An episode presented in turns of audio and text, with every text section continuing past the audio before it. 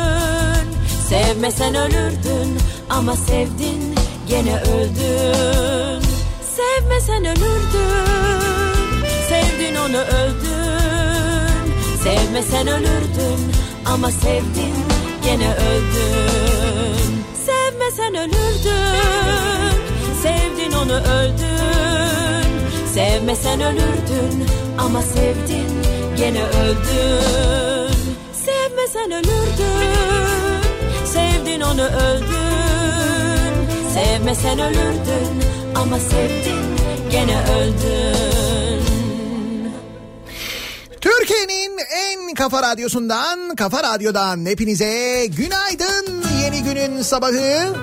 Günlerden cuma tarih 15 Mayıs. Çok sıcak geçecek bir İstanbul gününün sabahındayız.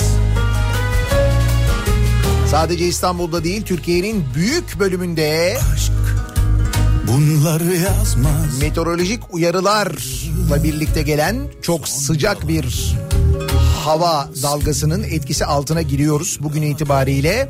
Yani dün zaten sıcaktı buralar falan diyorsanız o değil işte bu. Bu yeni gelecek olan bir sıcak. Biliyorum çaresi yok Öylesine bir hafta sonuna doğru Türkiye'nin 15 kentinde aynı zamanda sokağa çıkma yasağının olacağı bir hafta sonuna doğru ilerliyoruz. Günaydın. Gül desen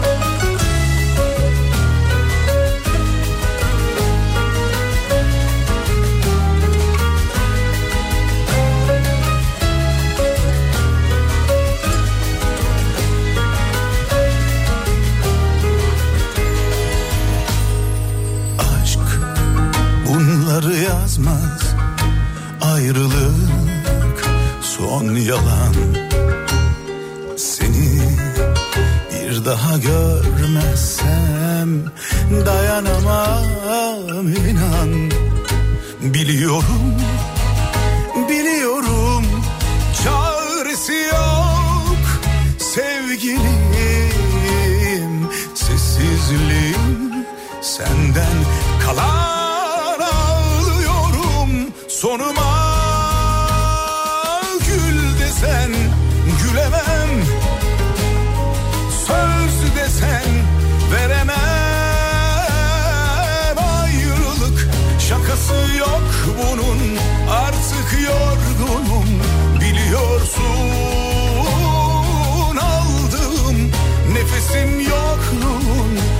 Şakası yok bunun biliyorsun. Ayrılık şakası yok bunun Artık yorgunum biliyorsun. Aldım nefesim yokluğun Verişi yok bunun biliyorsun. Ayrılık şakası yok bunun Artık yorgunum biliyorsun nefesim yokluğun Verişi yok bunun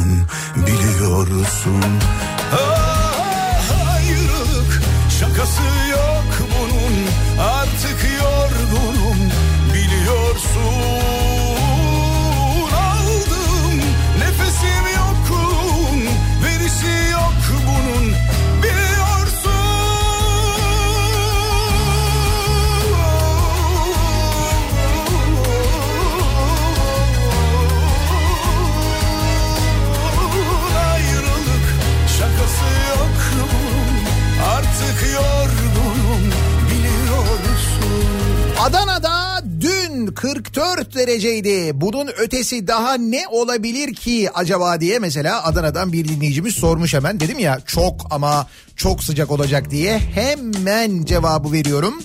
Adana'ya son 75 yılın rekor sıcakları geliyor. İşte buyurun Meteoroloji 6. Bölge Müdürlüğü Bölgesel Tahmin Merkezi sorumlusu Mustafa Gülüm. Beklenen sıcaklık değerinin en son 1945 yılı Mayıs ayında kaydedildiğini söylemiş. Gölgede 41 dereceye ulaşarak Mayıs ayı sıcaklık rekorunun kırılması bekleniyormuş.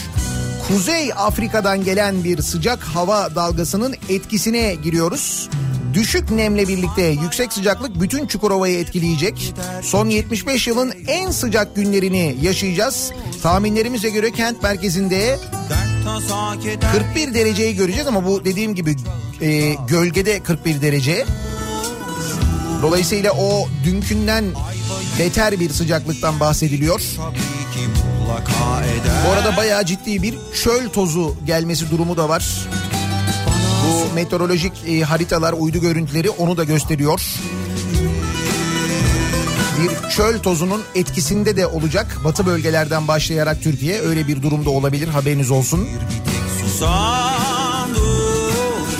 Yani daha ne olabilir diyorsunuz ya. Zannediyorum daha fena bir şeyler olabilir. Hiçbir şey olmasa bile kesin bir şey olabilir. Ama o dün ölçtüğünüzden daha sıcak olacağı kesin öyle anlaşılıyor. Nitekim uzmanlar diyorlar işte zorunlu değilseniz çıkmayın diye 15 şehirde sokağa çıkma yasağı var. Diğer kentlerde sokağa çıkılacak. Orada çok dikkatli, oralarda çok dikkatli olmak lazım. Pazar günü Türkiye genelinde 65 yaş üstünün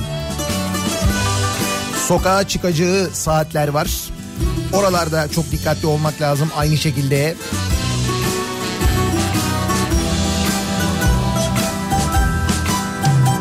Balkonu havuz yapsak mı diye düşünenler var.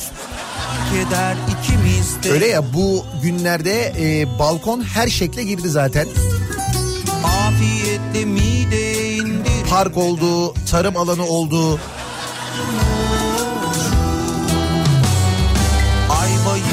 Ne bileyim böyle mini kıraathane oldu. En azından tavla falan oynandı.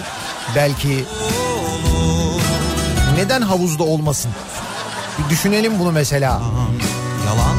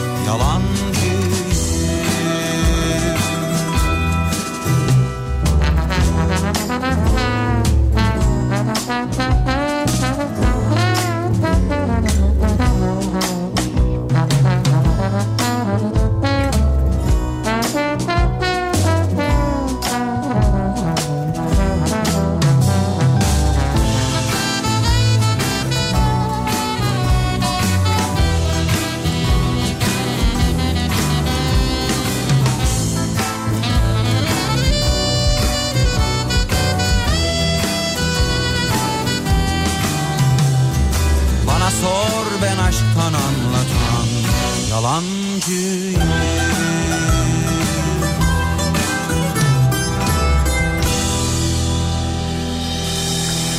Bugünün bir özelliği daha var. Bugün yapacağımız yayının sonrasında hafta sonu da araya giriyor ama toplamda böyle bir 5 günlük ara olacak. Önümüzdeki hafta pazartesi, salı da aynı zamanda sokağa çıkma yasağı var bir yandan.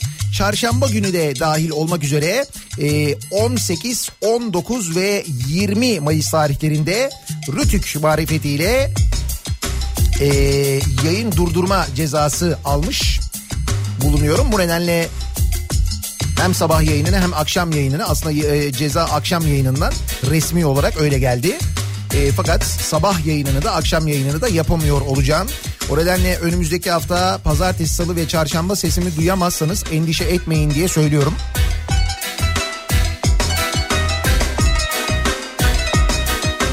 Böyle bir üç günlük yayın durdurma cezası var. Sabah saatlerinde belki müzik olur, belki başka bir şey olur ama e, akşam saatlerinde Rütü'nün gönderdiği bantlar yayınlanıyor. Onlara da şaşırmayın. Onlar da çünkü pek bir eğlenceli. Dinleyince anlarsınız. Gide gide tüm yollar bitti Seve seve bütün aşklar tükendi Bile bile ben yardan geçtim Neyse iyi bir şeylerden bahsedelim de Yine Cuma gününe iyi bir şeylerle başlayalım. göre göre ben Çeşitli kampanyalar düzenleniyor. Bu kampanyaların özellikle belediyeler ve özellikle de CHP'li belediyeler tarafından düzenlenenleri engellenmeye çalışılıyor biliyorsunuz. Yardım kampanyaları özellikle ki bu belediyelerin yardım kampanyaları engellenirken kimlerin kampanya yaptığını birazdan anlatacağım size. Ee, doğal olarak başka çözümler de hemen bulunabiliyor. Mesela askıda fatura uygulaması başlamıştı. İstanbul Büyükşehir Belediyesi başlatmıştı. 4 Mayıs'ta bu askıda fatura e, kampanyasını. Daha sonra birçok belediye benzer askıda fatura kampanyalarına başladı. Ankara Büyükşehir Belediyesi başladı bildiğim kadarıyla. Antalya başladı, İzmir başladı. İstanbul'da gelinen nokta 10 günde 125 bin fatura askıdan inmiş. Yani yardımseverler tarafından ödenmiş. Askıda fatura uygulamasıyla 10 günde ihtiyaç sahibi 124 binin üzerinde kişinin Şeytan doğalgaz ve su faturasının ödendiğini tutarın da 15 milyon 685 bin lira olduğunu söylemiş. İstanbul Büyükşehir Belediyesi. Ankara, İzmir ve Aydın'la Aydın Büyükşehir Belediyeleri ile İzmit Belediyesi de aynı zamanda Şimdi bu askıda fatura uygulaması yapıyormuş. Dedim ya başka şehirlerde de var diye. Bak bu ne kadar güzel bir uygulama en azından. Gide gide tüm yollar Kimin yardıma ihtiyacı olduğu görünmüyor. Kimin yardım ettiği görünmüyor. yardan Kimse afişe olmuyor. Kimse kendini afişe etmiyor. Yine yeni sevdalar seçtim Göre göre ben yanlış Yani alan el veren eli görmüyor. Bu hakikaten güzel. Ee, yöntem olarak da son derece sağlıklı. Sen Katkıda bulunan herkese ah bir senden hakikaten teşekkür etmek lazım. Ben senden Fallara baktım yine sen çıktın tek sen. Ah bir senden kurtulabilsem. Çok zor be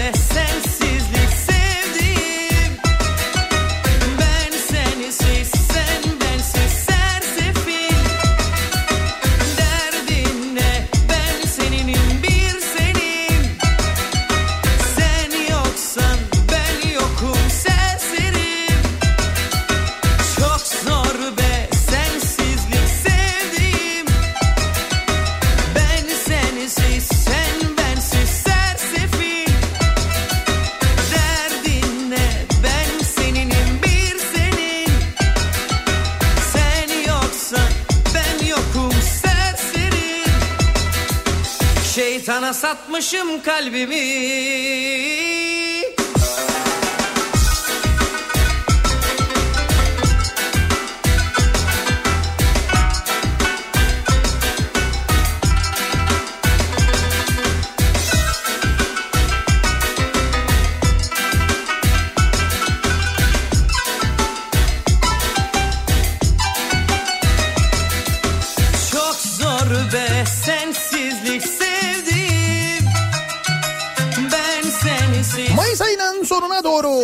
ilerlerken bir yandan bayrama doğru ilerlerken bilemiyoruz. Bayramda acaba sokağa çıkma yasağı devam edecek mi?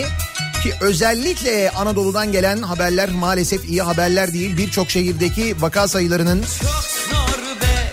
arttığı hem de hızla arttığı yönünde bilgiler geliyor. Mesela e, hiç vaka görülmedi e, şehrimizde. İşte son 10 gündür hiç vaka yok. Son 15 gündür hiç vaka yok açıklamalarının sonrasında özellikle e, o şehirlerde açıklamaların yapıldığı şehirlerde sokakların birden kalabalıklaştığı insanların tamam artık geçti bitti diye düşündüğü muhtemelen bu nedenle çok ciddi yoğunluklar olduğu bunun da salgının yeniden başlamasına o şehirlerde sebep olabileceği yönünde uzmanlar da uyarılar yapıyorlar. Ama bir yandan da işte böyle normalleşme takvimi denilen bir takvim var. Yeni normal takvimi. O uygulanmaya devam ediyor. Bu takvime göre 28 Mayıs'tan sonra Türkiye'de iç hat uçuşlarının başlaması bekleniyor. beni.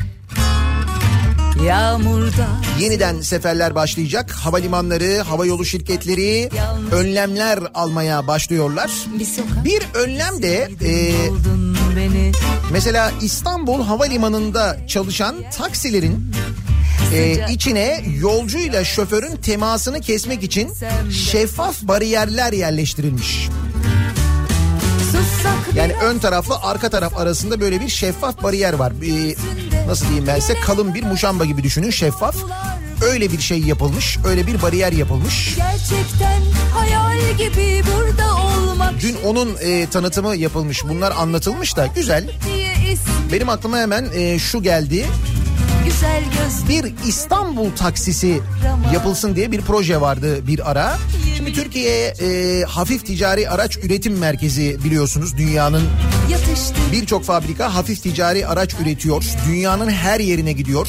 Hatta Türkiye'de üretilen araçların ben ta Amerika'da hem de Amerika'nın batısında taksi olarak kullanıldığını defalarca gördüm. Buradan üretiliyor, oraya gidiyor, orada taksi yapılıyor ve özel bir taksi, şöyle özel bir taksi, şoförle yolcu arasında bir e, şey var, yani bir bölme var, bir duvar var.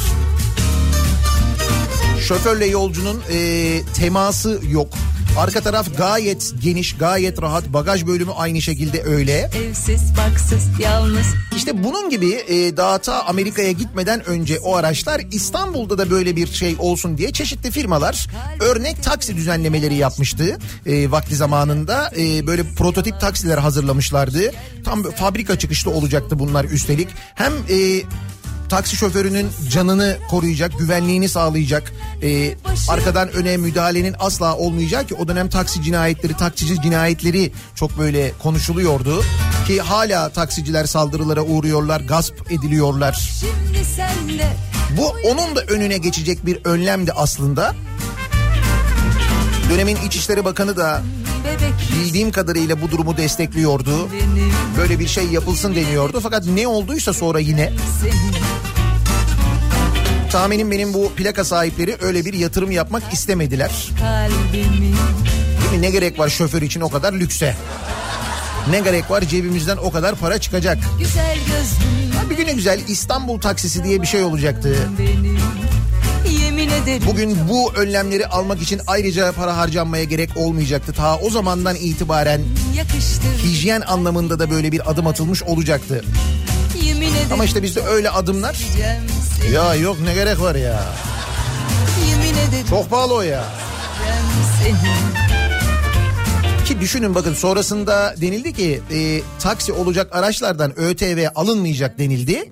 E, ona rağmen hala mesela İstanbul'daki taksi araçları işte Anadolu'da öyle değil mesela. Anadolu'da e, plaka sahipleri genelde kendi arabalarını çalıştırdıkları için kendi arabaları olduğu için gittiler ÖTV olmayınca baya böyle lüks arabaları taksi yaptılar. Anadolu'ya gidince görüyorsunuz çok sık. Bizde olmaz. Ben ne gerek var ya? Arkadaşları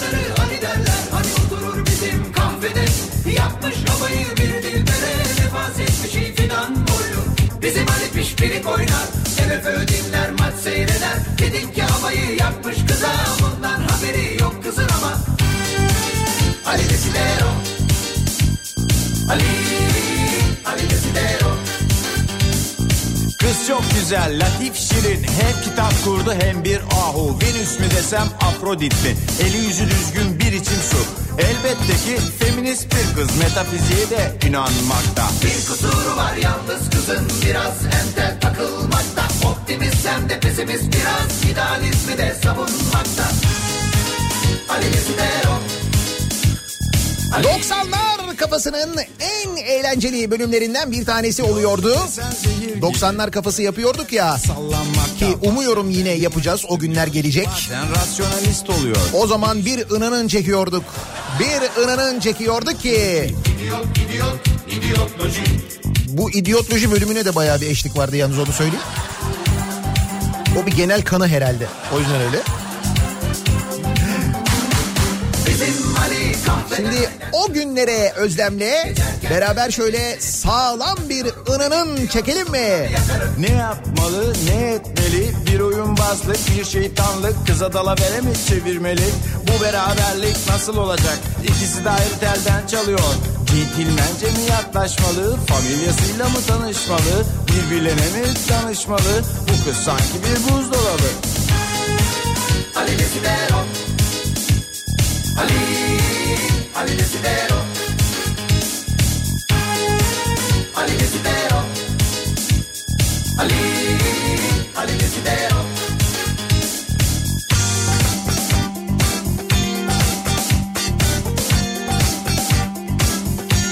Hazır mıyız?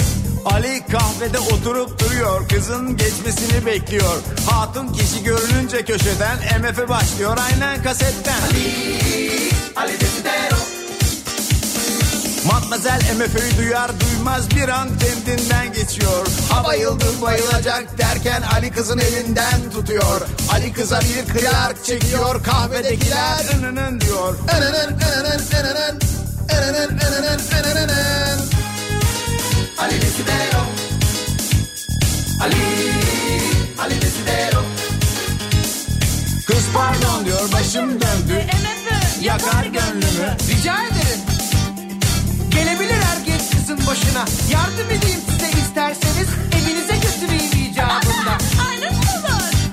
Ben sizi hiç tanımıyorum ama hem konu komşu ne der sonra ben size giderim tek başıma. Olur mu ne önemi var diyor oğlan. Yürüyelim işte. Hemen mesaj geldi. Cafer diyor ki Nihat Bey hiçbir araç üreticisi 20 bin taksi için araç üretim bandımızı bozamayız diyorlar. Öyle mi? Hangi araç üreticisiyle görüştünüz Cafer Bey? Kibar çocuk diyor kız. 20 bin araç. Öyle mi? 20 bin araç için. Şuna diyor. Siz 20 bin araç ne demek biliyor musunuz? Ayrıca o benim dediğim prototipleri üreten e, firmalar Türkiye'nin en büyük otomotiv üreticisi firmalardı. Kendileri hazırladılar prototipi. Dediler ki eğer bunu bunu seçerseniz yani bunu alırsanız eğer biz bunların üretimini fabrika çıkışı yapacağız dediler ben biliyorum. Ama siz demek ki daha üst düzey görüşmeler yaptınız herhalde. Ayrıca burada amacım asla taksicileri taksicilerle ilgili kötü bir şey söylemek değil ki. Aksine şunu söylüyorum ben. Eğer o zaman öyle yapılaydı taksicilerin can güvenliği teminat altına alınmış olacaktı, konfor artacaktı, müşteri için iyi olacaktı, taksici için iyi olacaktı. Hazırım diyor buluşmaya. Burada o mal sahibi denilen ya da plaka sahibi denilenler var ya plakaları alanlar sonra götürüp onu e, bu şeylere verenler plazalara verenler oradan galerilere verenler oradan ona verenler oradan ona verenler var ya yani ta en sonunda taksici değil. Taksici zaten kendisi kendisininse araba zaten bunu yapıyor. Ama aslında taksicilikte uzaktan yakından ilgisi olmayan sırf o plakadan para kazanayım bana para getirsin bankaya yatıracağımı oraya yatıracağım diyen adam bununla ilgilenmiyor. O diyor ki bana ne diyor yani taksici binsin klimasız arabaya binsin ya da binsin eski arabaya binsin o kadar para vermeyelim diyor. Asıl e, sıkıntı ondan kaynaklanıyor. Ali diyor biz hep dönerciyiz. Nitekim o yüzden işte Anadolu'da farklı İstanbul'da farklı oluyor ya arabalar. Onu söylüyorum ben. Ayrıca 20 bin araç çok yüksek bir rakam. Bir gidin bakalım biz 20 bin tane araç alacağız deyin. O araç üreticileri o bandı bozuyor mu bozmuyor mu? Size yeni band kuruyorlar mı kurmuyorlar mı? 20 bin. Kız anlıyor ki dünyalar ayrı. Ali'ye kibarca bir bay bay. Ali diyor hay hay. Gözü parlıyor aniden kızın. Şeytan tüyü var bu hınzırın. Ali anlıyor ki doğru yolda. Hazırım diyor buluşmaya. Kız diyor ki bu işler narin. Bugün olmaz Ali belki yarın. Güzel sabah yürüyüşü sırasında ınının çekenler. Etraftan enteresan bakışlara maruz kalanlar. Size de günaydın. Ali Desidero Ali Ali Desidero Ali Desidero Cuma gününün sabahındayız. Nasıl bir sabah trafiğiyle güne başlıyoruz? Hemen dönelim bir göz atalım.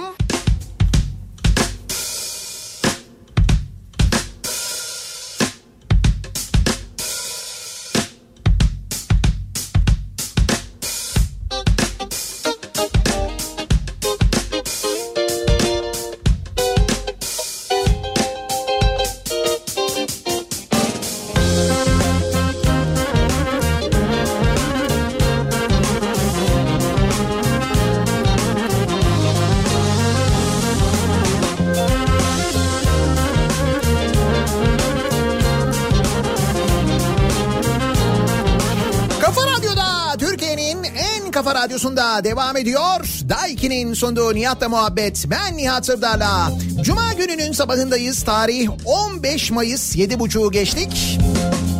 Samanlıktan kaldıramadım samanı da sütü Geride bıraktığımız hafta protesto edilecek birçok sebep elbette getirdi. Cuma sabahı protesto sabahı birazdan soracağız ama sütü bir bakalım neler olmuş başka geride bıraktığımız 24 saatte. Kısa yoldan yüksek kazanç e, elde etmek isteyenler yine aldatılmışlar. Yeniden aldatılmışlar. Yine paralar gitmiş uçmuş. Kimse sormamış bu adam kim ki koskoca bankadan daha çok para verebiliyor. Ben o koskoca bankadan bu parayı alabiliyorken bu adamdan bu parayı almaya nasıl inanabiliyorum? Bu adama ya da bu kişilere nasıl güvenebiliyorum diye kimse sormadan yine balıklama atlamış.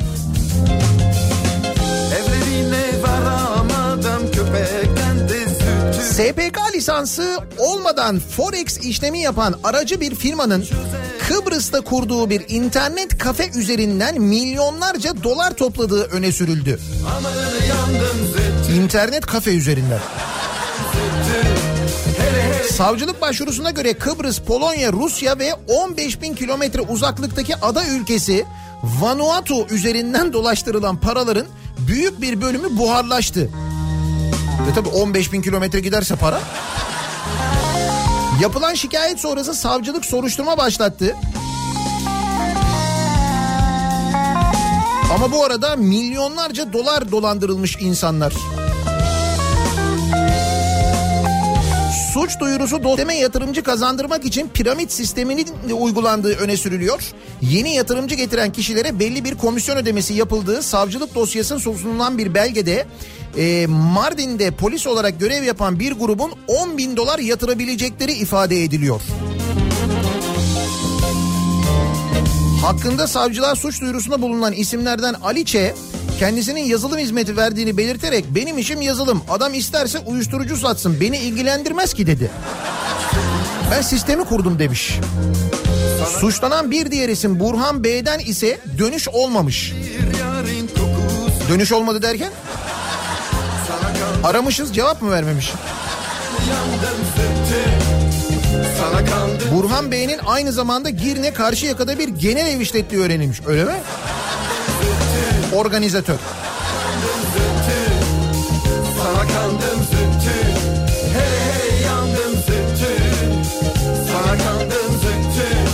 Bitmiyor, bitmeyecek bu dolandırılma öyküleri, dolandırılma hikayeleri Türkiye'de maalesef her yıl üzerine yenileri eklenecek. Akla hayale gelmeyecek şeylere insanlar para yatıracaklar ki çiftlik bank örneğinde bunu çok net bir şekilde gördük. Üstüne üstlük ne oldu? Adam bugün gelse Türkiye'ye tahliye oluyor değil mi? Yani bu en son çıkan aftan da faydalandı. O kadar parayı götürdü. 1 milyar küsür lira. O kadar konuşuldu edildi. Vay Tosuncuk şöyle, vay Çiftlik Bank böyle bilmem ne falan derken buyur. Gitti paralar yani. Adam da özgür. O. Diyorum ya bitmeyecek.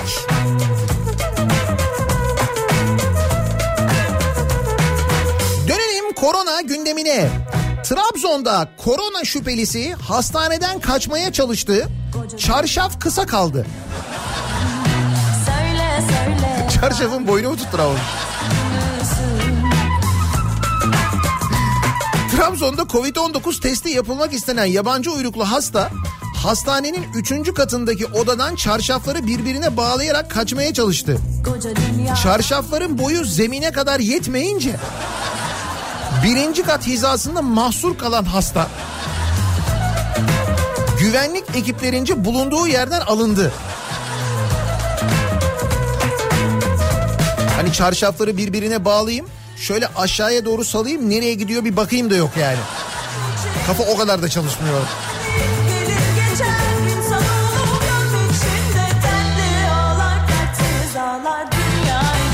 Aslında korona testi değil başka bir test yapmak gerekiyormuş da.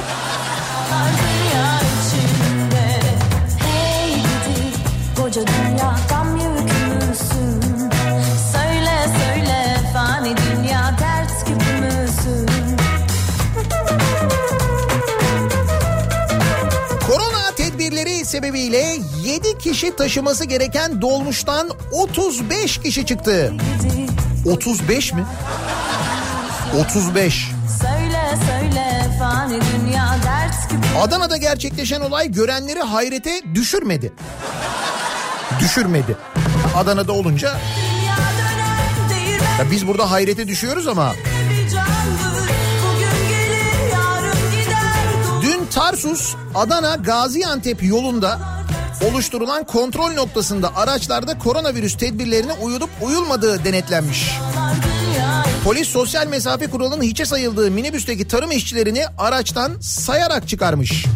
Bir kısmı Suriyeli olan tarım işçileri yasaklardan haberlerinin olmadığını söylemiş. Minibüs sürücüsü Ahmet Sefa ise işverenin talimatıyla fazla kişi taşıdığını söylemiş. 7 kişi olması gereken minibüsten 35 kişi çıkmış.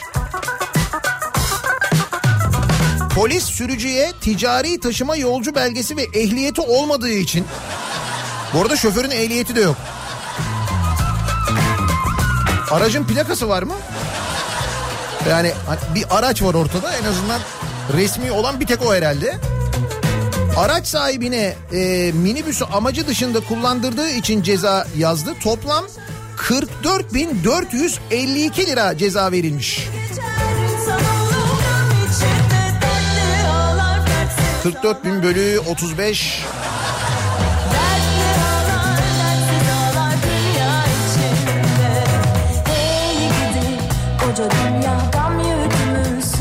nasıl önlemler Adana'da? İyi değil mi?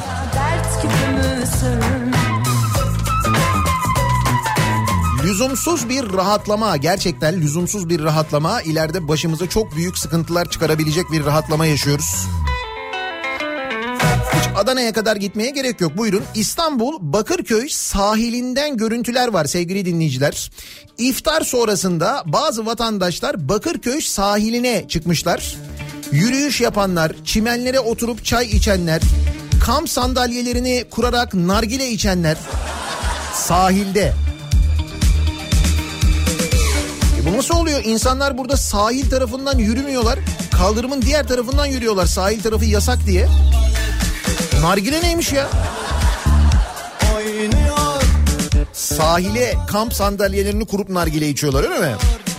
kanım sana kaynıyor Kanım sana kaynıyor Düştüm merhamet size Düştüm merhamet size Çağrımdan Peki bu nasıl? Kayseri'den bir haber var da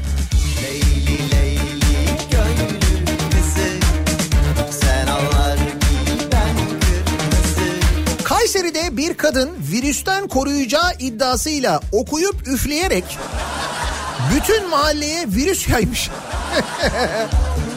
ya ne yapıyorsunuz Allah aşkına ya? Üflemek ne ya? Kayseri Gazeteciler Cemiyeti Başkanı Veli Altınkaya koronavirüs taşıyıcısı olan üfürükçü bir kadının virüs bulaşmaması için Bütün mahalle sakinlerini okuyup üflediği ve mahalle geneline virüs yaydığını yazmış. ben size şimdi bir okuyup bir üflerim diye.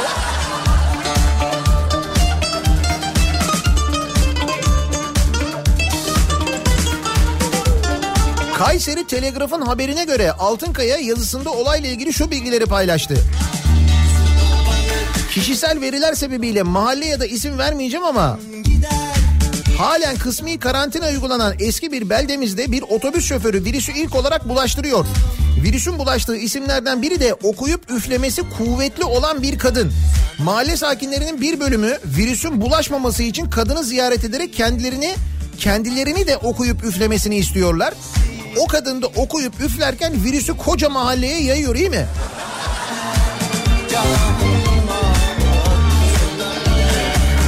Evet kuvvetliymiş gerçekten.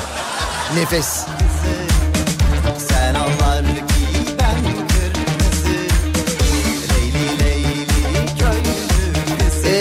Kayseri Tabip Odası da e, bu olaydan sonra bir açıklama yapmış. Demiş ki e, virüs üfürükçülüğü yüzünden değil mevlit nedeniyle yayıldı demiş.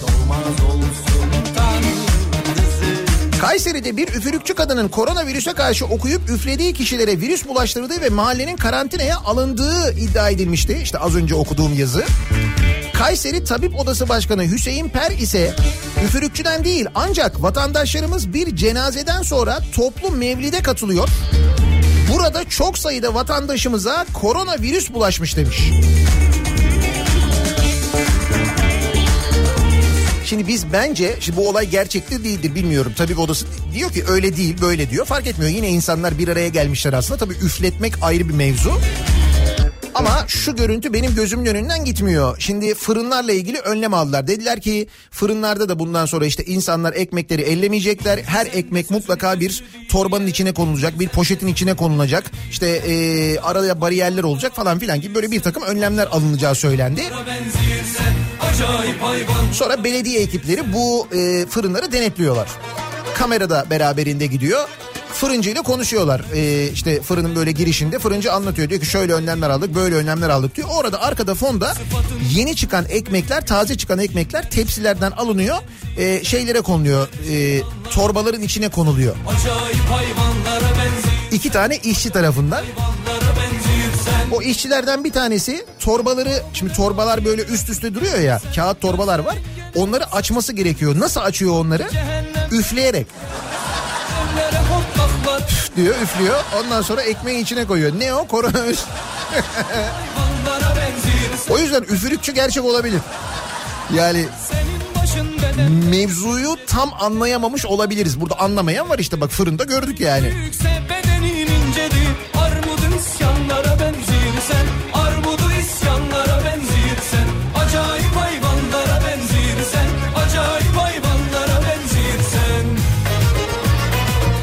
Kayseri'de e, işte Mevlid'e gidenler, Van'da taziye gizlice kurulan taziye çadırına gidenler ki Van'da vaka sayısının hızla artmasına sebep oldular. Uşak'ın Banaz ilçesinde iftarda bir araya gelen iki ailedeki beş kişinin koronavirüs testi pozitif çıkmış. Burası da Uşak mesela Türkiye'nin her yerinden böyle haberler geliyor.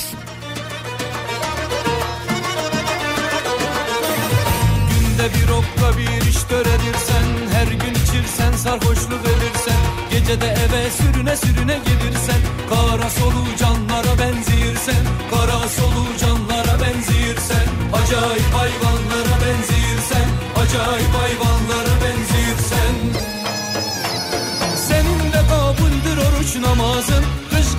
Yardım kampanyalarından bahsetmiştim ya programın hemen başında askıda fatura uygulamasıyla e, İstanbul'da sen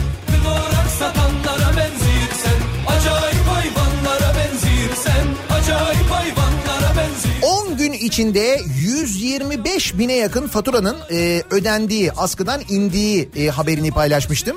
Şimdi bu yardım kampanyaları işte belediyeler tarafından yapılmak istenen yardım kampanyaları İçişleri Bakanlığı tarafından engellendi. Tabii CHP'li belediyelerin engellendi. Sonra denildi ki işte niye belediyeler e, yap, yapsın işte paralel devlet mi kurmaya çalışıyorsunuz falan dendi.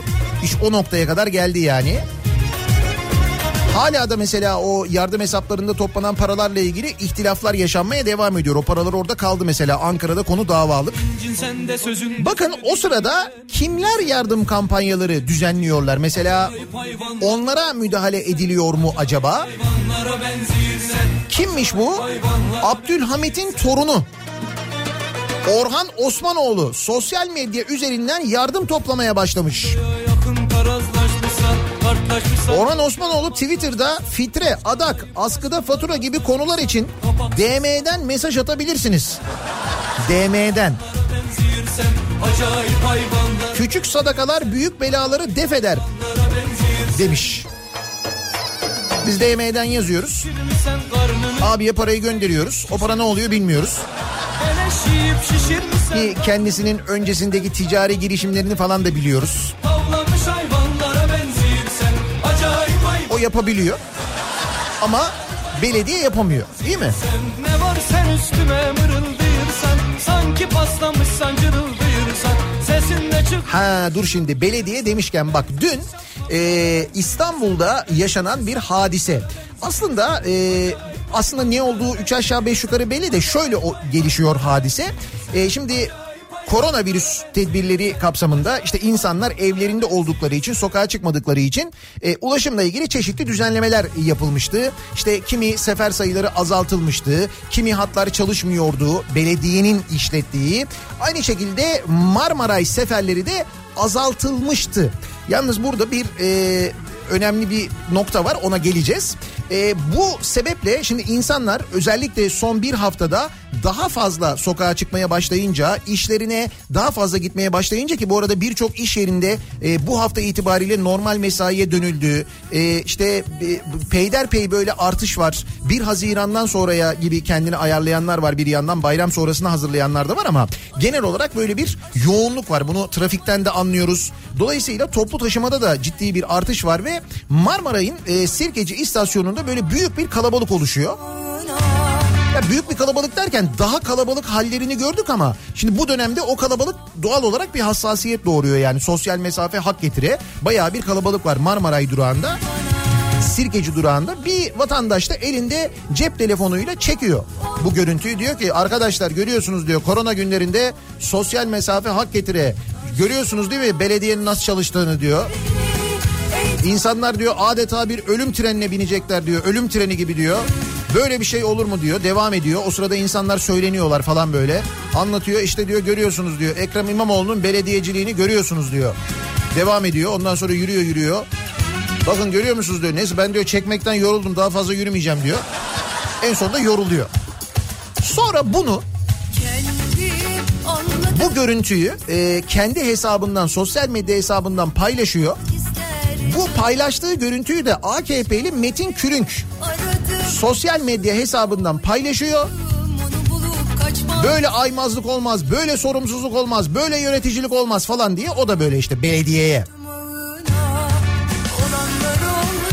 O da belediyeye saydırıyor.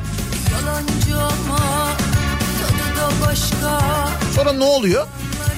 Ee, İstanbul Büyükşehir Belediyesi beyaz masadan yanıt geliyor. Metin Külünk'ün sosyal medya gönderisi üzerine ona bir yanıt geliyor. Diyorlar ki Sayın Külünk Marmaray işletmesi Ulaştırma Bakanlığı ve Devlet Demir Yolları tarafından yapılmakta deniyor.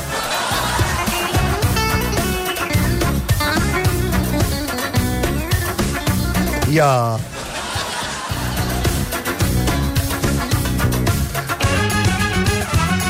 Meğer İmamoğlu değilmiş.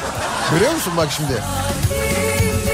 Böyle yöneticilik olur mu denirken orada Devlet Demir Yolları Genel Müdürü ya da Ulaştırma Bakanı kastediliyormuş. İstemeden tabii o da.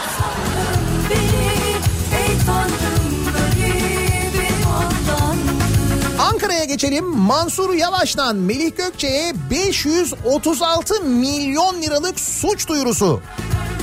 536 milyon lira.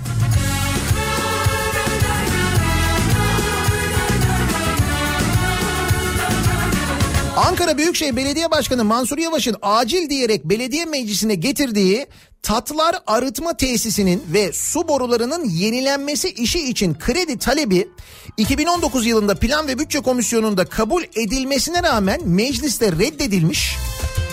2020 yılında ise ertelenerek ötelenmişti. Diyor ya Ankara'da e, ciddi bir arıtma problemimiz var. Bak Kızılırmağı kirletiyoruz. Buraya yatırım yapılması lazım. Su boruları çok kötü. Asbestli, içme suyu boruları bunların değişmesi lazım. Fakat belediye meclisi reddediyor.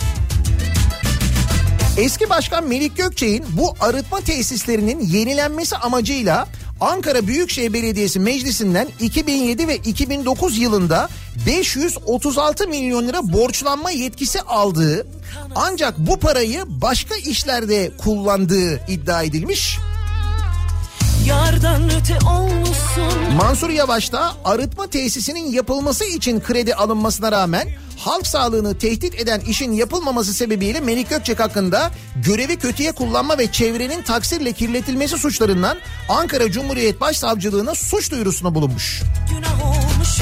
Şimdi soru o 536 milyon lira arıtma tesisine su borularının içme suyu borularının yenilenmesine harcanmadıysa daha hayati nereye harcanmış olabilir Ankara'da? Soruyorum Ankaralılara buyurun. Anka Park, dinozor, hayati otorobotlar. Onlar çok hayati harcamalar. 2007 diyor, 2009 diyor. Bu dönem tam dinozor dönemi değil miydi ya? İlk çağlar. O yıllarda mıydı bu dinozorları konuşuyorduk? Ne zaman konuşuyorduk? Ve 2007-2009 yılında 536 milyon lira. O yıllarda bu para düşünsene.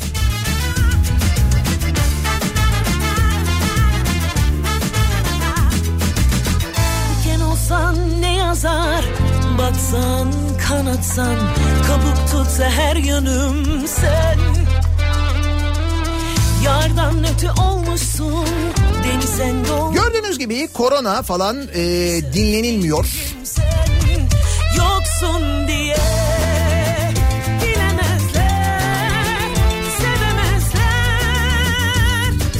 Her türlü engelleme yapılmaya devam ediliyor. Baya böyle belediye iş yapmasın diye işe giden belediye meclis üyeleri var. Aynen böyle çalışıyor sistem yani değil mi?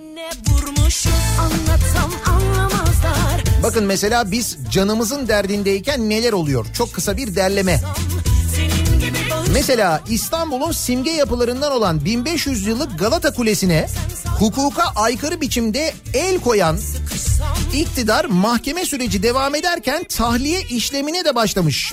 İstanbul Büyükşehir Belediyesi'nin Vakıflar Genel Müdürlüğü'ne karşı açtığı dava sonrası alınan ihtiyati te- tedbir kararına da uyulmamış. Yani Galata Kulesi'ni İstanbul Belediyesi'nden alıyor Kültür ve Turizm Bakanlığı. Biz o arada korona falan. Bitiyor mu bitmiyor. Salgın nedeniyle acil olarak alınması gereken kararlar için olağanüstü toplanan Üsküdar Belediye Meclisi oturumunda salgın sebebiyle toplanılıyor.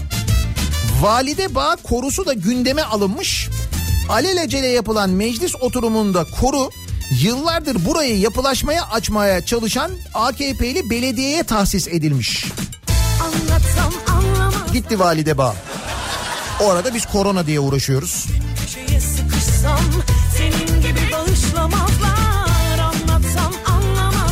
Doğudan batıya, kuzeyden güneye ülkenin dört bir tarafında talan ne salgın ne de hukuk tanıyor. Senin gibi Senin Kirazlı Yayla geçtiğimiz hafta konuşmuştuk. Kirazlı Yayla'dan Narman Kanyonu'na, Olimpos'tan Ölüdeniz ve Salda Gölü'ne birçok yerde çalışmalar hızlandırıldı. Şirketlere yeni ihaleler verilmeye de devam ediyor. Yoksun diye İş Bankası'na göz dikildi. Son birkaç gündür yeniden gündeme geldi. Demezler CHP'nin İş Bankası'ndaki hisselerine ki bu CHP'nin İş Bankası'ndaki hisseleri değil. Bunlar Atatürk'ün hisseleri aslında. Mustafa Kemal Atatürk'ün vasiyeti yani. O hisselere göz koyuldu. Fazla gecikmeden 10 gün içinde bu işi bitirin talimatı verilmiş. Sıkışsam Biz korona diye uğraşıyoruz bu sırada. Bitmiyor yani. Senin gibi Senin gibi Senin Meslek örgütlerine yönelik keyfi düzenleme. Türkiye Mimarlar Mühendisler Odaları Birliği, Türk Tabipler Birliği ve baroların seçim usullerinde değişikliğe gidilmek isteniyor. Öyle ya eleştiriyorlar çünkü. Sen kimsin eleştiriyorsun ya? Deniyor. Biz de o sırada canımızla uğraşıyoruz burada değil mi?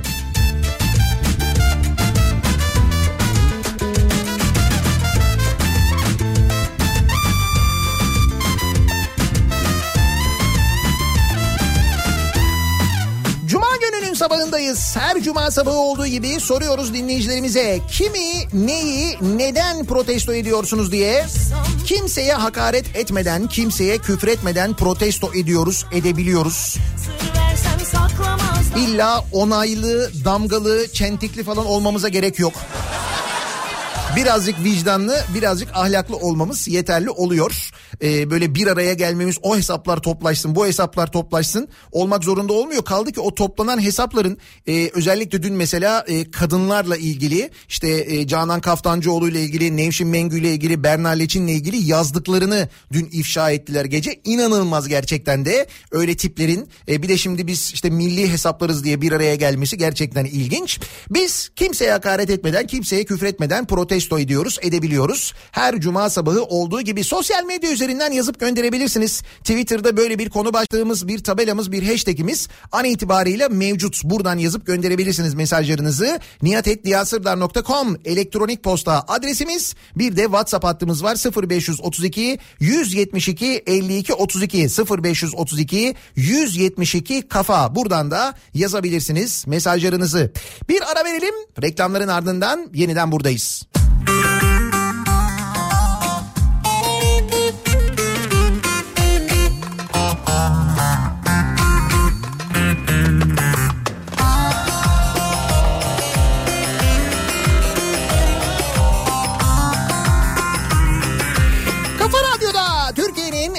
Kafa radyosunda devam ediyor. Daiki'nin sunduğu Nihat'la muhabbet. Ben Nihat Sırdar'la. Cuma gününün sabahındayız. 8'i 2 dakika geçiyor saat. Gevrektir, erik dalı gevrektir Amanın basmaya gelmez Haydi basmaya gelmez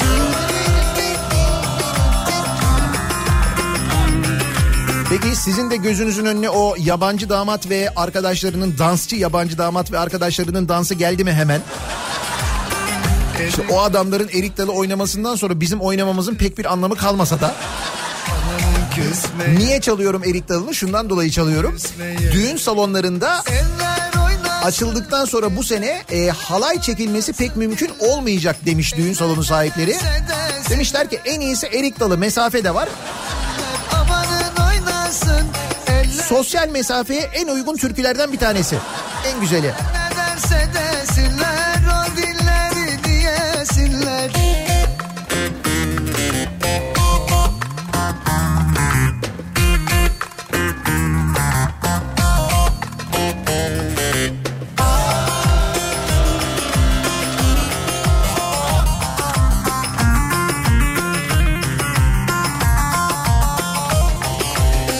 Sağlıkçılar gününde alkış, çocuklar gününde alkış, çiftçiler gününde alkış. Bunları isteyip onlar için alkış isteyip haklarını koruyup vermeyenleri protesto ediyorum diyor. Abdülgafur göndermiş. Değil mi o sadece alkışlamakla kaldı. Ne oldu sağlıkçıların hakları? Ne oldu hemşirelere? Yapılacak ek ödemeler. Geçen gün hemşireler gününü kutladık. Sonuç?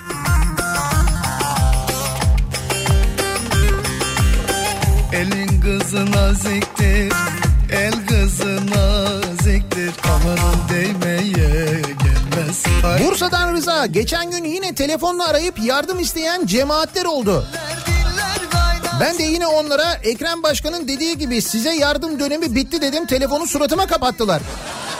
Protesto ediyorum kibar olur insan biraz. Eller diller kaynasın diller Eller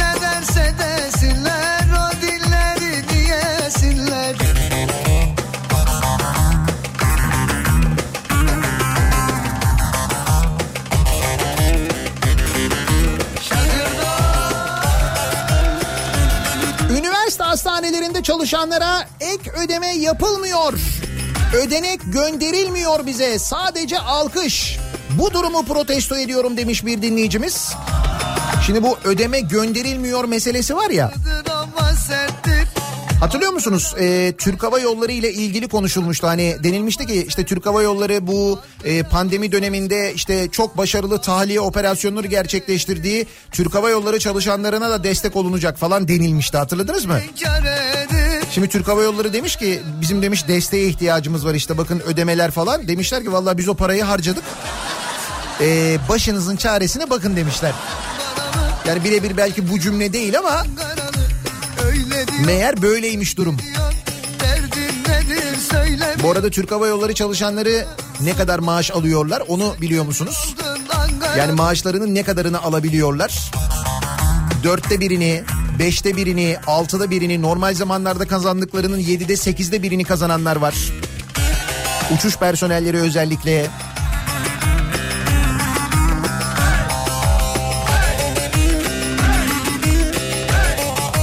Denizli Talas Avdan köyüne kurulmak istenen termik santrali protesto ediyorum diyor Halis.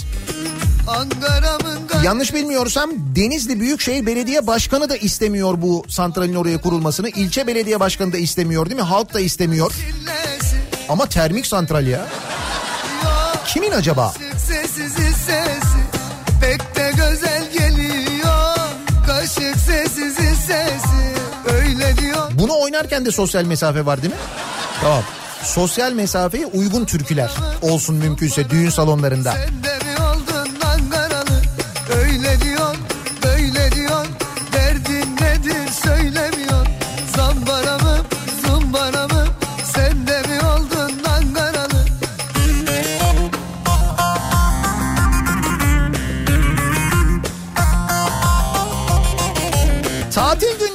çalışıp diğer günler yok olan koronavirüsü protesto ediyorum.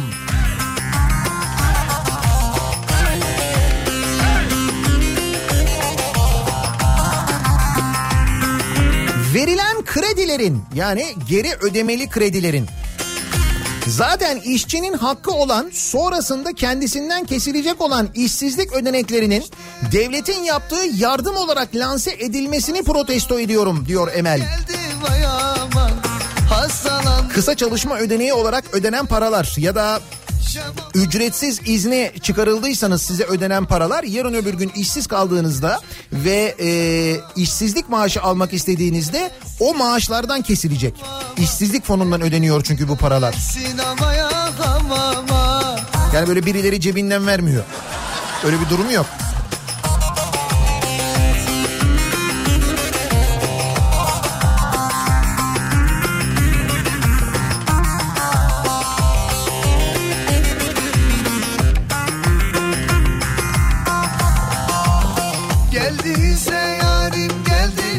700 bin lira artı 203 bin lirayı protesto ediyorum. Toplam 703 bin lira. Ne 703 bin lira ne olmuş?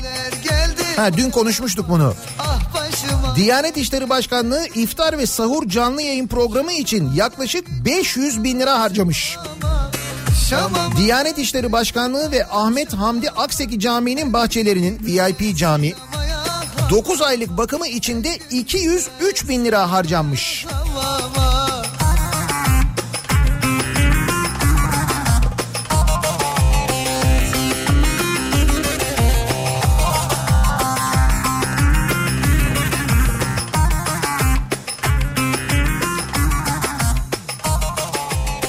De bu akşam saat 21'de bankaları alkışlayalım, destek verelim. Ama e, kredileri ödemeyelim. Şimdi öyle bir yöntem oluyor mu çok emin değilim ondan ama... Yani alkışla ödeme öyle olmuyor. Zaten onu söylüyorlar insanlar. Diyorlar ki tamam sağlık çalışanlarını alkışladınız da... E ne oldu destekler diyorlar. İşte madem öyle biz de öyle yapalım. Kredileri alkışla ödeyelim. Örnek gösterelim yani. Futbol takımlarından gelen virüs haberlerine rağmen hala futbol oynatacağım diyen federasyonu protesto ediyorum. Çekemiyorsan beni çatla geber Şimdi futbol federasyonu da federasyon ama mesela voleybol federasyonu da federasyon. O da spor değil mi? Basketbol aynı şekilde, handbol aynı şekilde. Ama demek ki bu federasyonların bulunduğu yerle futbol federasyonunun bulunduğu yer arasında böyle bir oksijen farkı mı var? Oksijen yoğunluğu ile ilgili bir şey var. Nedir acaba?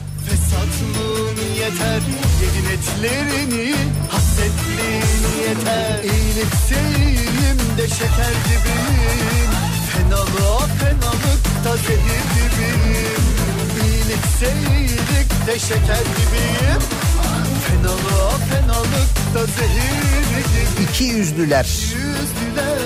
İki yüzlüler. Arkamdan konuşmayın iki yüzlüler Ne kadar çok iki yüzlü insan var değil mi? Hem de böyle yönetici pozisyonunda olan. konuşmayın iki yüzlüler hadi.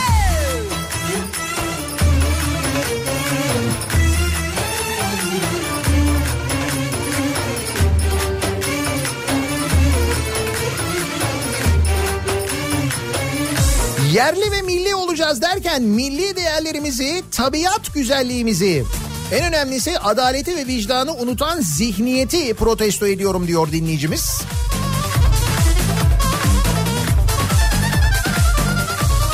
Ülkenin dört bir yanında insanlar canlarıyla uğraşırken ihale peşinde koşan canikolarını ve pandemi günlerinde meclisin işi yok ki, acil bir şey yok ki açalım diyen meclis yönetimini protesto ediyorum demiş bir dinleyicimiz. Öyle dedi Türkiye Büyük Millet Meclisi Başkanı. Dediler ki ya alışveriş merkezleri açıldı çalışmaya başladı. Türkiye'nin bunca sorunu var, bunca problem var. Neden meclis açılmıyor tatil diye sordular. Böyle acil bir gündem yok ki dedi meclis başkanı. Bakayım acil bir gündem var mı? Yok. Rahatız yani. Şeker gibiyim Fenalığa fenalıkta zehir gibiyim İyilik seyirlikte şeker gibiyim. Fenalığa fenalıkta zehir gibiyim. İki yüzlüler, iki yüzlüler. Arkamdan konuşmayın iki yüzlüler Tavandan ek ödeme yapılacağı söylenen sağlık çalışanları arasında uçurum ödeme yapılmasını protesto ediyorum. Hastaneye gelmeyenlere 12 bin lira, hastayla birebir temasta olan hemşireye 600 ila 1400 lira arası. Personele ödeme yok diyor Melike göndermiş. İşte diyorum ya bu bahsedilen anlatılan şu yardımlarla ilgili verilecek teşviklerle ilgili desteklerle ilgili maalesef böyle bir adaletsizlik ya da hiçbir şey yok. Çok ilginç. Patavatsızlık sizde İki yüzlüler Sizi iki yüzlüler.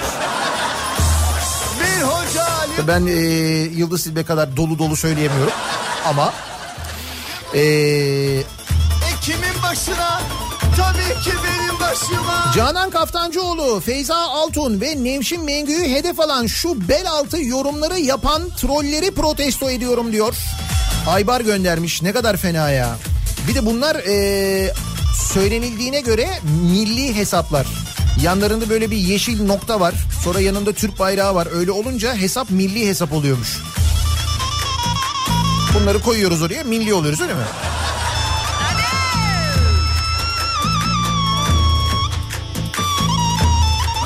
Salgınla ilgili önlemleri gevşetenleri protesto ediyorum diyor. Banu göndermiş. Ne öldürdü ne de güldürdü süründürdü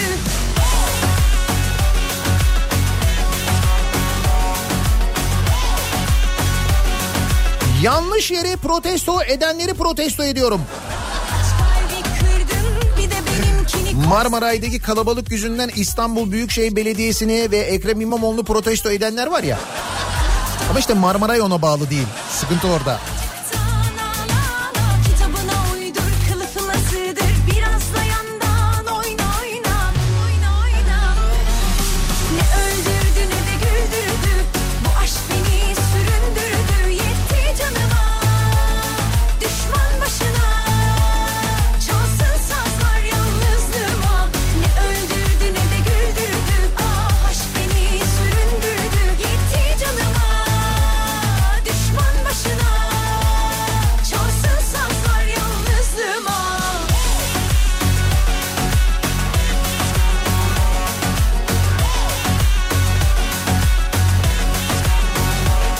Protesto ediyorum diyor Tarkan. Bize de şu ticari sır işini öğretmediler.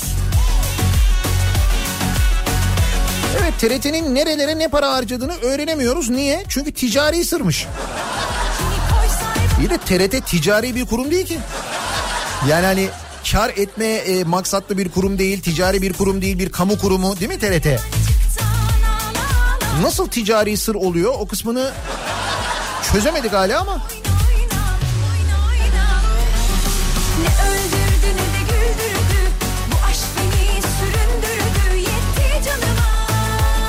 Futbol Federasyonu'nu protesto etmeyen futbolcuları protesto ediyorum demiş bir dinleyicimiz. Değil mi? Niye futbolculardan ses çıkmıyor? Niye futbolcular konuşmuyorlar, fikirlerini söylemiyorlar? Evet oynamak istiyoruz ya da hayır oynamak istemiyoruz. Bizim de canımız var. Niye demiyorlar? En azından fikirlerini belirtseler değil mi?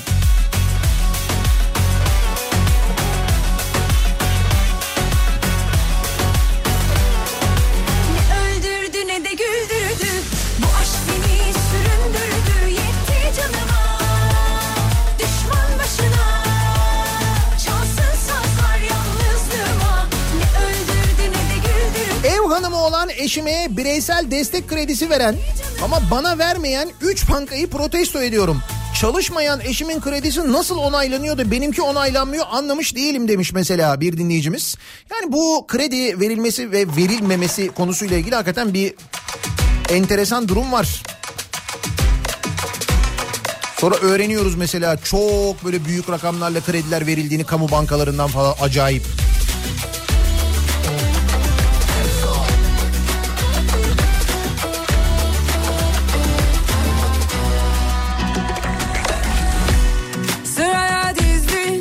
E, kışın büzüşüp yazın genleşen doğalgazı protesto ediyorum. E Bu kışın yine genleşecek değil mi? Ya da büzüşecek. Yine ulaşmak zor olacak. Biz yine Avrupa'nın en pahalı doğalgazını kullanacağız ve neden öyle pahalı kullandığımızı da ticari sır gerekçesiyle öğrenemeyeceğiz. Değişen bir şey olmayacak yani. Diyorum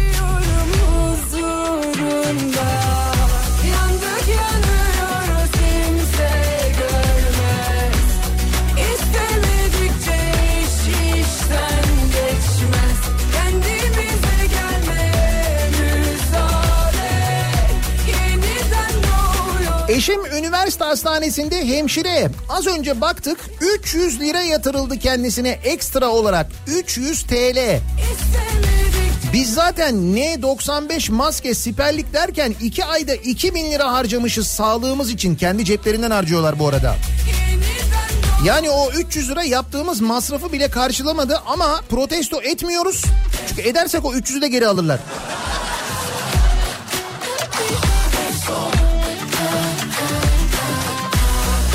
Berna Laçin'i provokatör ilan edip reklamlarını yayınlamama kararı alan Turkuaz medyayı protesto ediyorum diyor Mersin'den Sevil.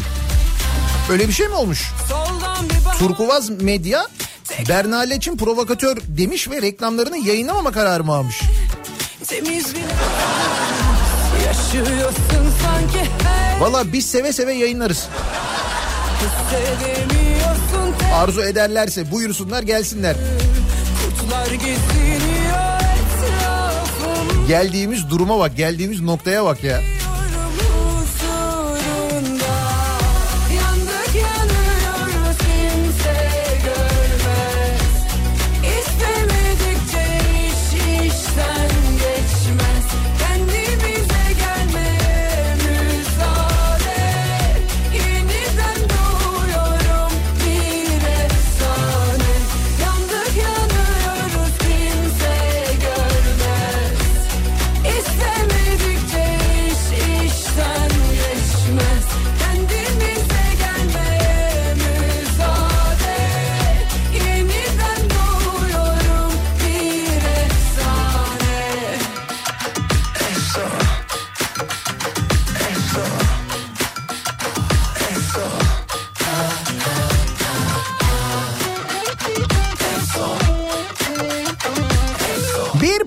Eşi olarak polislerin yaptığı fedakarlığı görmemezlikten gelenleri protesto ediyorum diyor bir dinleyicimiz.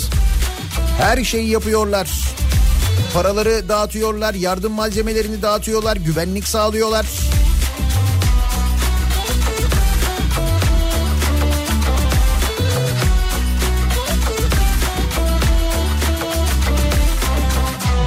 Bizleri iki gün, üç gün, dört gün eve kapatmalar, 65 yaşını eve hapsetmek, iş yerlerini kapatmak, seyahat kısıtlaması, yarım çalışma. Bütün bunları protesto ediyorum. Bunların hepsi ücretli çalışanlara darbe vurdu. Zengin daha zengin oldu. Ve bu kargaşa döneminde ülke parça parça talan edildi. Bu durumu protesto ediyorum diyor, diyor Sami. Valla biz can derdindeyken bir şeyler olduğu muhakkak da.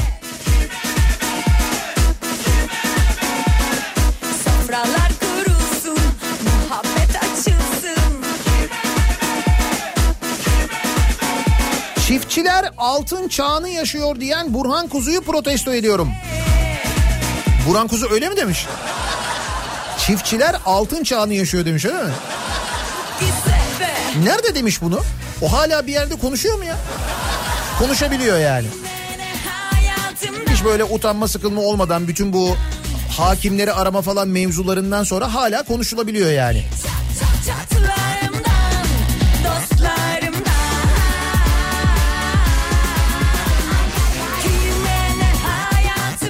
Nihat Bey sağlıkçıların hakkı ödenmez dediler. Ödemediler. Aslında evet bu kadar basit doğru. Hakkınız ödenmez gerçekten o yüzden ödeyemiyoruz biz.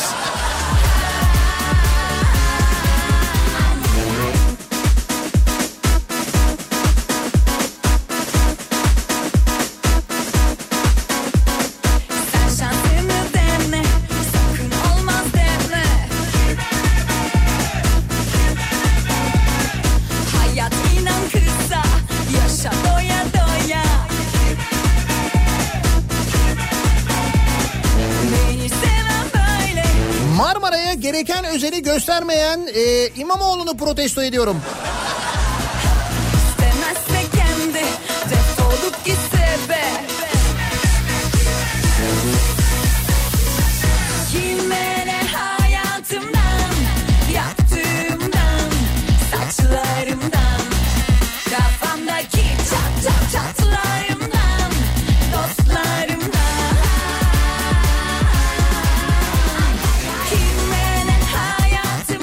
İstanbul şehir çıkışlarında epey uzun kuyruklar var. Bu sabah çok ağır ilerliyormuş trafik. Oradan mesajlar geliyor.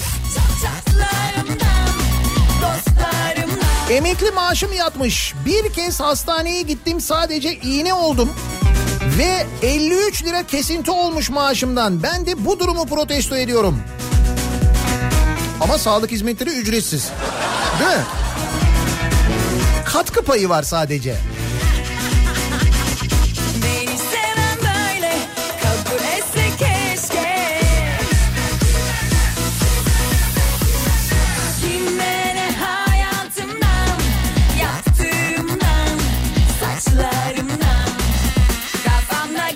Ankara İstanbul arası iş seyahati yapıyorum mecburen. Otoyol Kerbela gibi bütün tesisler kapalı. Yolluk hazırlamayan eşimi protesto ediyorum. Bir de bu durum var değil mi? Şimdi o yollardaki tesisler de çalışmıyor. Peki bu otobüs yolculuklarında ne oluyor? Bu arada otobüslerle ilgili e, bir tavan fiyat belirlenmiş. En uzun mesafe için 500 lira fiyat belirlenmiş. En uzun mesafe de zannediyorum mesela İstanbul Van ya da İzmir Van'dır herhalde. 500 lira fiyat belirlenmiş. Tavan fiyat bu olacakmış. Bunun üzerinde otobüs bileti fiyatı olamayacakmış. Taban fiyatta 100 lira. 100 lira ile 500 lira arasında olacakmış. Birisi bir başka alemdi Aradım o günlerimi. İlk sevgilim hangisi? Nasıl yaktım bunca ateşi? İnanmazdım görmesem karşımda. Aşk tüten bu yüzleri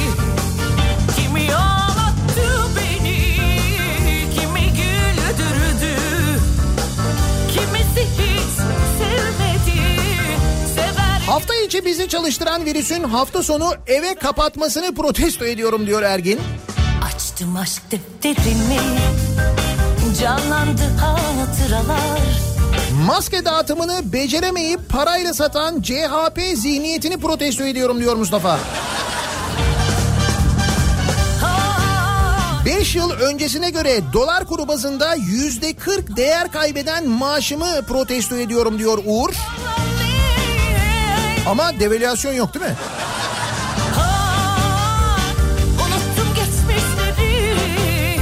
Normalleşme diye erkenden Antalya'da karantinayı kaldırarak ikinci dalgayı başlatan kim varsa herkesi protesto ediyorum diyor Eray. Antalya'da iki mahallede karantina uygulaması varmış. Antalya'nın Muratpaşa ilçesinde koronavirüs tedbirleri kapsamında iki mahallede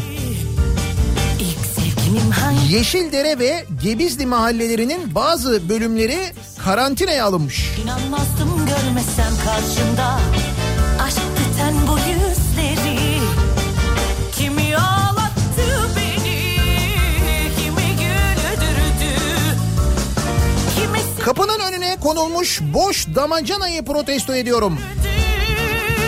Bir Ankara damacanası. Biliyorum onu.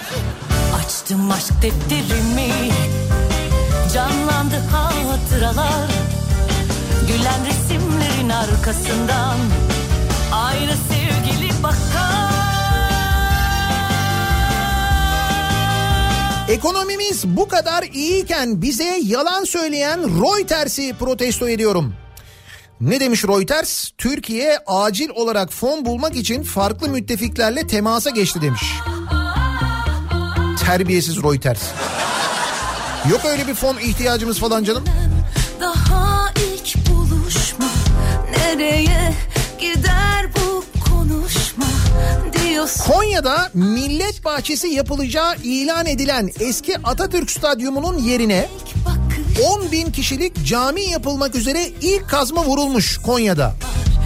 Millet bahçesi olacakmış aslında öyle denilmiş. İhalesi ne zaman yapıldı belli değil. Kim ihaleyi aldı belli değil. İnşaat başlamış.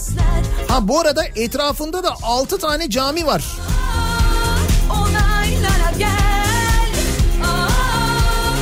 sana güzel Bu da Konya'dan bir gelişme. Küçük gönler bir benim olsun kişiye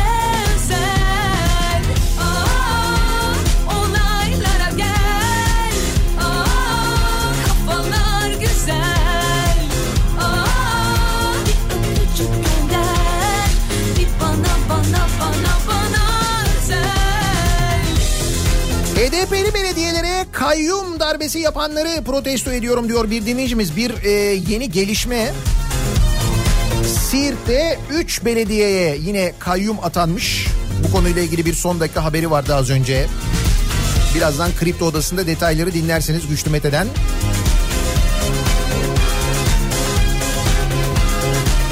Kendi gündem gündem anlayışımı protesto ediyorum.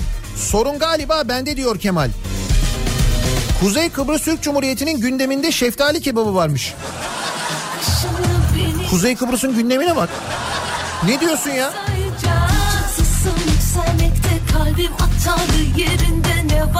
Adanın yemek kültürünün simgelerinden biri sayılan şeftali kebabı Show TV'nin yayınından sonra birdenbire Kıbrıs'ın gündemine oturdu. Konu dallanıp budaklandı ve eğlenceli bir magazin haberi olmaktan çıkarak ulusal sorun haline geldi. güzel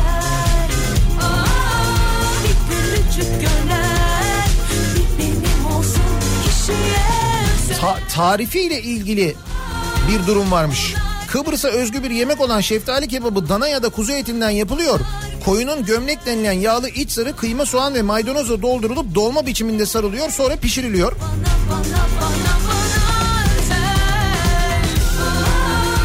Kıbrıslılar Ramazan dolayısıyla şef Gürkan Topçu'nun Show TV ana haber bülteninde yaptığı şeftali tanıtım kebabı tanıtımını ha, tanımını beğenmeyince tartışmalar başladı. Kimi gazeteciler ve politikacılar kanala tepki gösterdi. Olay ulusal sorun haline geldi. Mevzuya bak yalancı şef rezillik bu izleyenler çılgına döndü. Kıbrıs ağzıyla badades koydun içine. Şeftaliye badades olmaz ayolun demişler mesela. Çok da severim bu arada şeftali kebabını. Ne yapsak Kıbrıs'a gidemiyoruz da değil mi? Hani oranın gündemine katılsak sanki bize göre daha iyi gibi duruyor. Öyle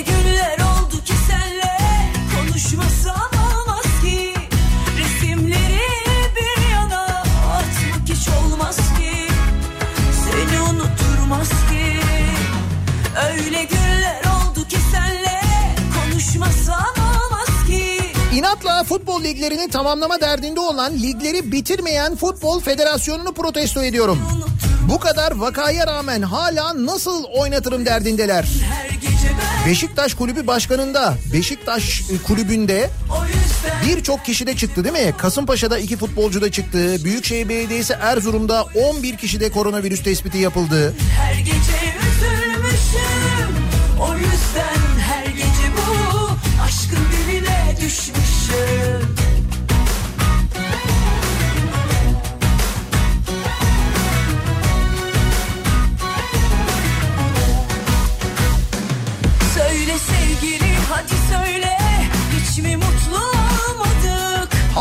koronavirüs vergisi çıkarmayan Danimarka hükümetini protesto ediyorum. Çok garip bir ülke Danimarka. Bence çıkaracak ama. Sevgili hadi söyle Hiç mi mutlu olmadık Martıları sayarken Hiç mi hayal kurmadık Denizlere bakarken Bir kulağımızın arkası kaldı diyorduk. Şimdi berberlere yapılan yüzde kırklık zamla Değil mi? Orası tıraş ediliyor evet doğru.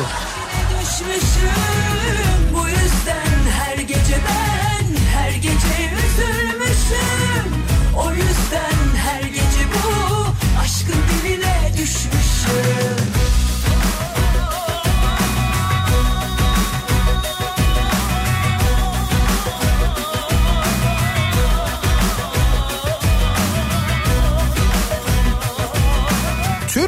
vatandaşlığına başvuru için kuyruk oluşturan Avrupalıları protesto ediyorum. Böyle bir iddia var. Avrupalılar kuyruğa girmişler Türk vatandaşlığı için. Bak yerli uçak soruyordunuz. Uçuyoruz işte.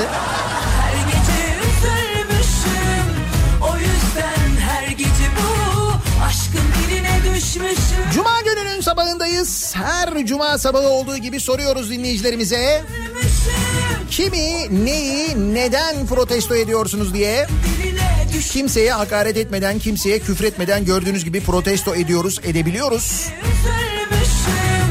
O yüzden her gece bu Aşkın diline düşmüşüm Bu yüzden Bir ara verelim. Reklamların ardından yeniden buradayız. O yüzden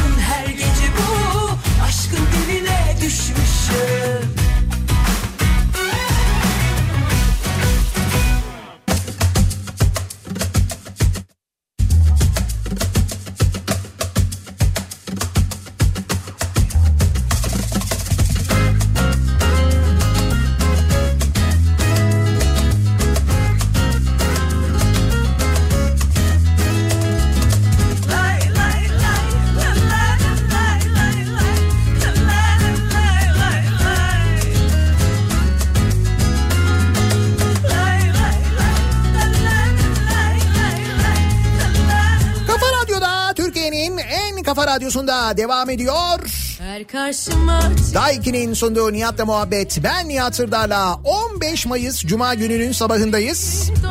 Her cuma sabahı olduğu gibi soruyoruz kimi, neyi, neden protesto ediyorsunuz diye. Bu yayın sonrasında e, hafta sonu da dahil olmak üzere 5 günlük bir ara vermek durumunda kalıyoruz. Hafta sonunu geçelim ama 18, 19 ve 20 Mayıs'ta Rütük tarafından verilen e, yayın durdurma cezası sebebiyle hem sabah hem akşam yayınını yapamıyorum ben. Pazartesi, salı ve çarşamba olmayacağım merak etmeyin telaş etmeyin diye söylüyorum. Kendimi kazandım harcayamam sevgimi Aşktan korkanlara Seni Paranın insan hayatından önemli olmasını protesto ediyorum diyor. Bir dinleyicimiz ki buna benzer çok mesaj geliyor. İşte e, önlem alınmayan fabrikalarda koronavirüs vakalarının artması, koronavirüse yakalananların e, git kendi başının çaresine bak diye fabrikadan yollanması,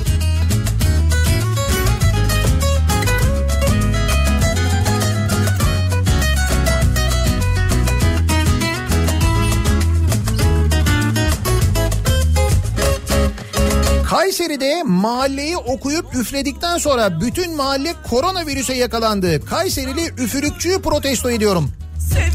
Evet böyle bir haber var. Kayseri basınında da yer almış ama Kayseri Tabip Odası diyor ki üfürükçüden değil de diyor mevlitten bulaştı e, o mahallede yaşayanlara diyor. Bilemiyoruz hangisi doğru. İnsanlara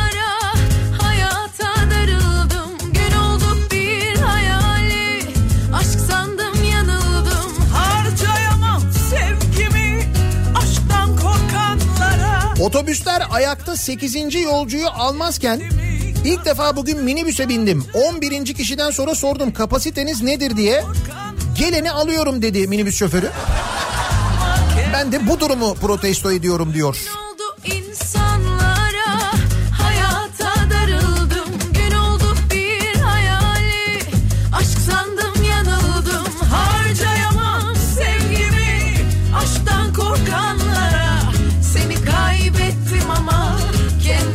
Yeşile bu kadar düşman olunmasını protesto ediyorum. Ne var canım biz gri seviyoruz işte. Sevemez miyiz? Beton grisi. Sen yeşil seviyorsun bir başkası da gri seviyor. Ee, bakalım biz 13 Mart'tan beri evdeyken hiçbir şeyi umursamayıp üstelik de maskesiz dışarıda gezenleri protesto ediyorum. Bu arada e, maskesiz sokağa çıkmanın yasak olduğu şehir sayısı 11'i buldu. Yani hiçbir şekilde maskesiz sokağa çıkamıyorsunuz. Bazı kentlerde böyle yasaklar var. Bırak gönlün uçup gitsin hayallerin peşinde.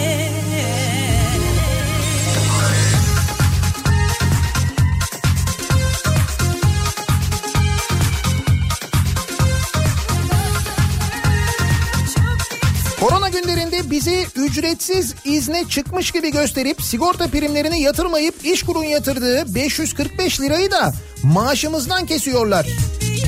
Mayıs'ta da aynısını yapacağız diyorlar. Bunun gibi işverenleri protesto ediyorum demiş bir dinleyicimiz. Böyle yapan da var öyle mi?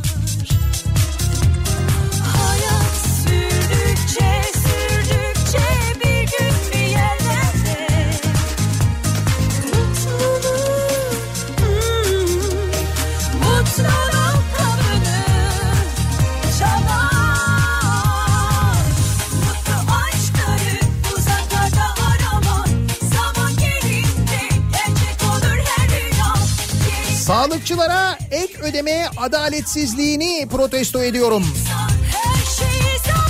Evet hemşirelere hasta bakıcılara hakikaten bu ek ödenekler çok komik paralar. Günlerce hastanede yatanlar hiç çıkmadan evlerine gitmeden çalışanlar için reva görülen paralar gerçekten çok komik paralar.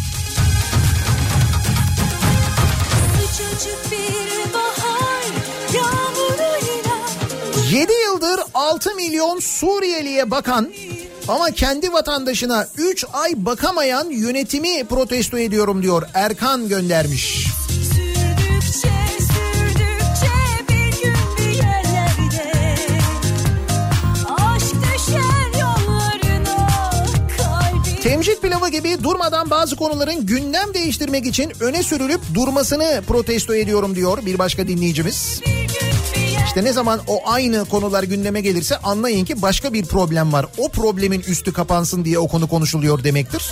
E şu andaki problem belli işte ekonomiyi.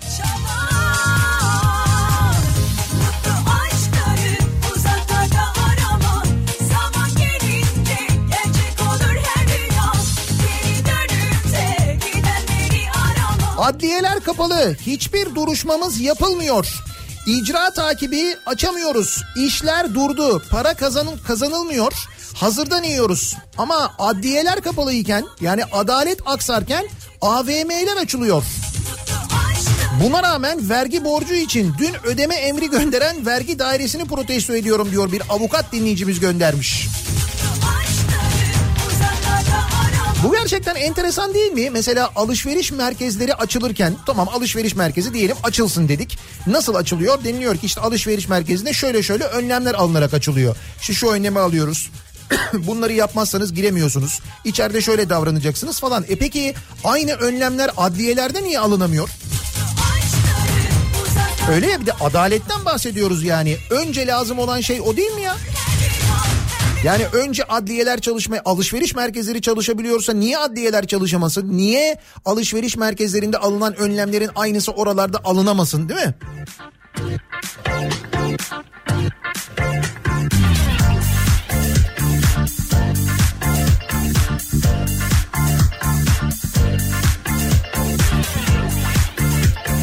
Abi şeftali kebabı değil o şef Ali kebabı biliyorum onu biliyorum da haberde öyle geçiyor şeftali orada da şeftali diye geçiyor artık öyle olmuş gittiğin re- restoranlarda bile her yerde şeftali diye yazıyor. Evet kökeni şef Ali'den geliyor ama şeftali deniyor. Dur şimdi biz de gündem oluruz falan Kıbrıs'ta.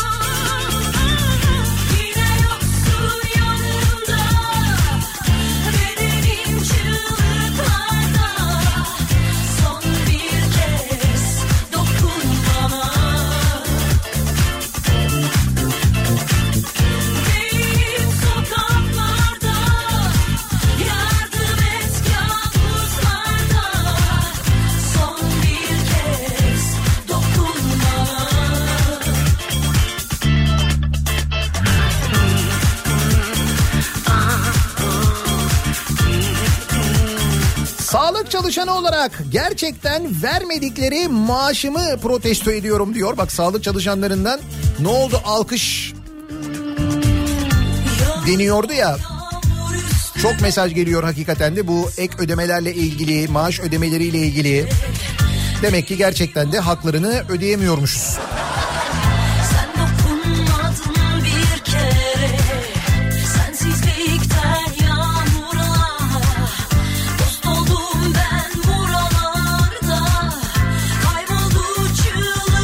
Sektörde zorunlu sokağa çıkma yasağı günlerini yıllık izinden kesen şirketimi protesto ediyorum diyor Duygu.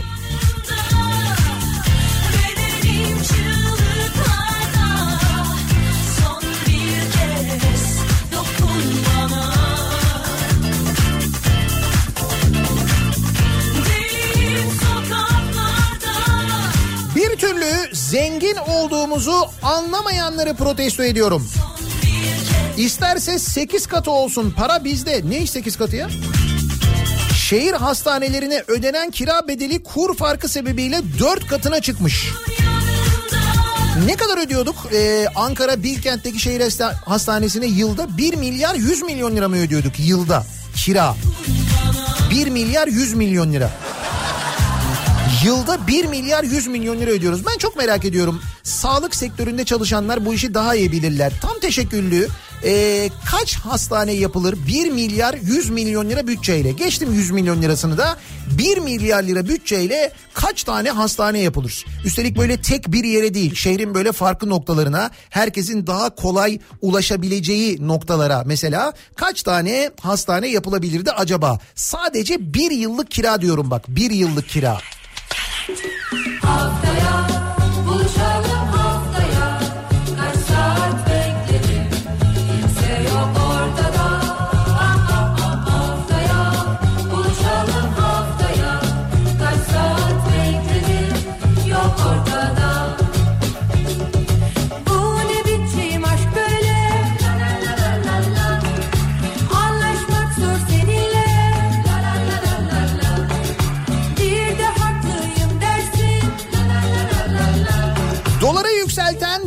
güçleri protesto ediyorum.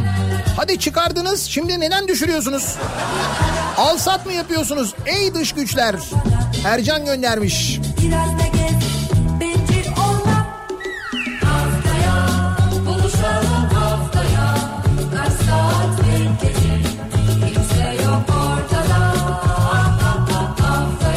Kafeterya derdinde olanları protesto ediyorum. Kafeter nereye kafeterya yapıyorlarmış? Patara antik kentinde 2000 yıllık su kemerine beton dökülmüş sevgili dinleyiciler. Yetmemiş şimdi de antik kentin çevresinde inşaat başlamış kafeterya yapılıyormuş. Patara antik kenti diyor. 2000 yıl diyor. Kafeterya diyor.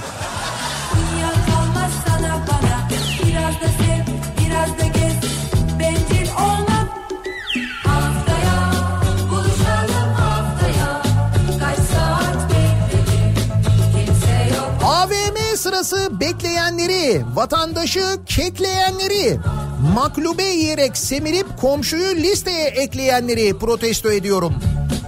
Diyor manici muallim.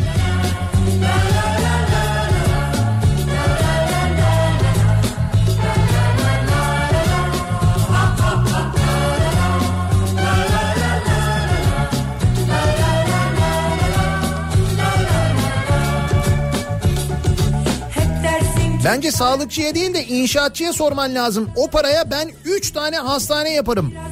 1 milyar liraya. Sadece bir yıllık kira bak. Sadece bir yıllık kira. Biz buna ne kadar ödeyecektik? 25 yıl mı kira ödeyeceğiz biz buna? Dolar üzerinden ödüyoruz bu arada.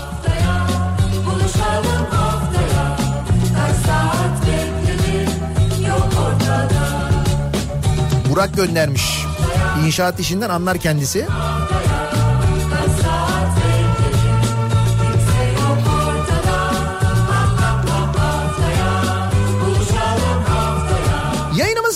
Yavaş yavaş sonlarına yaklaşıyoruz. Ee, haberi olmayanlar, radyosunu yeni açanlar, bilmeyenler için tekrar ediyorum bir kez daha. Önümüzdeki hafta 18, 19 ve 20 Mayıs tarihlerinde e, Nihat'la Muhabbet ve Nihat'la Sivrisinek programları yayınlanamıyor. Rütü'nün verdiği yayın durdurma cezası sebebiyle böyle bir yasal e, durum var.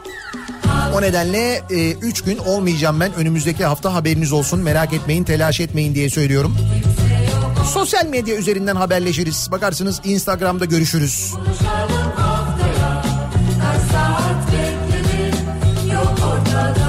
Şimdiden 19 Mayıs Gençlik Bayramınızı kutluyorum. 19 Mayıs'ta Samsun'a çıkarak bir ülkenin, bir milletin kaderini değiştiren ve bağımsızlık armağan eden Gazi Mustafa Kemal Atatürk'ü saygıyla anıyorum. Birazdan Kripto Odası programı başlayacak. Güçlü Mete Türkiye'nin ve dünyanın gündemini sizlere aktaracak. Bu akşam 18 haberlerinden sonra Sivrisinek'le birlikte yeniden bu mikrofondayım ben. Tekrar görüşünceye dek hoşçakalın. Hayal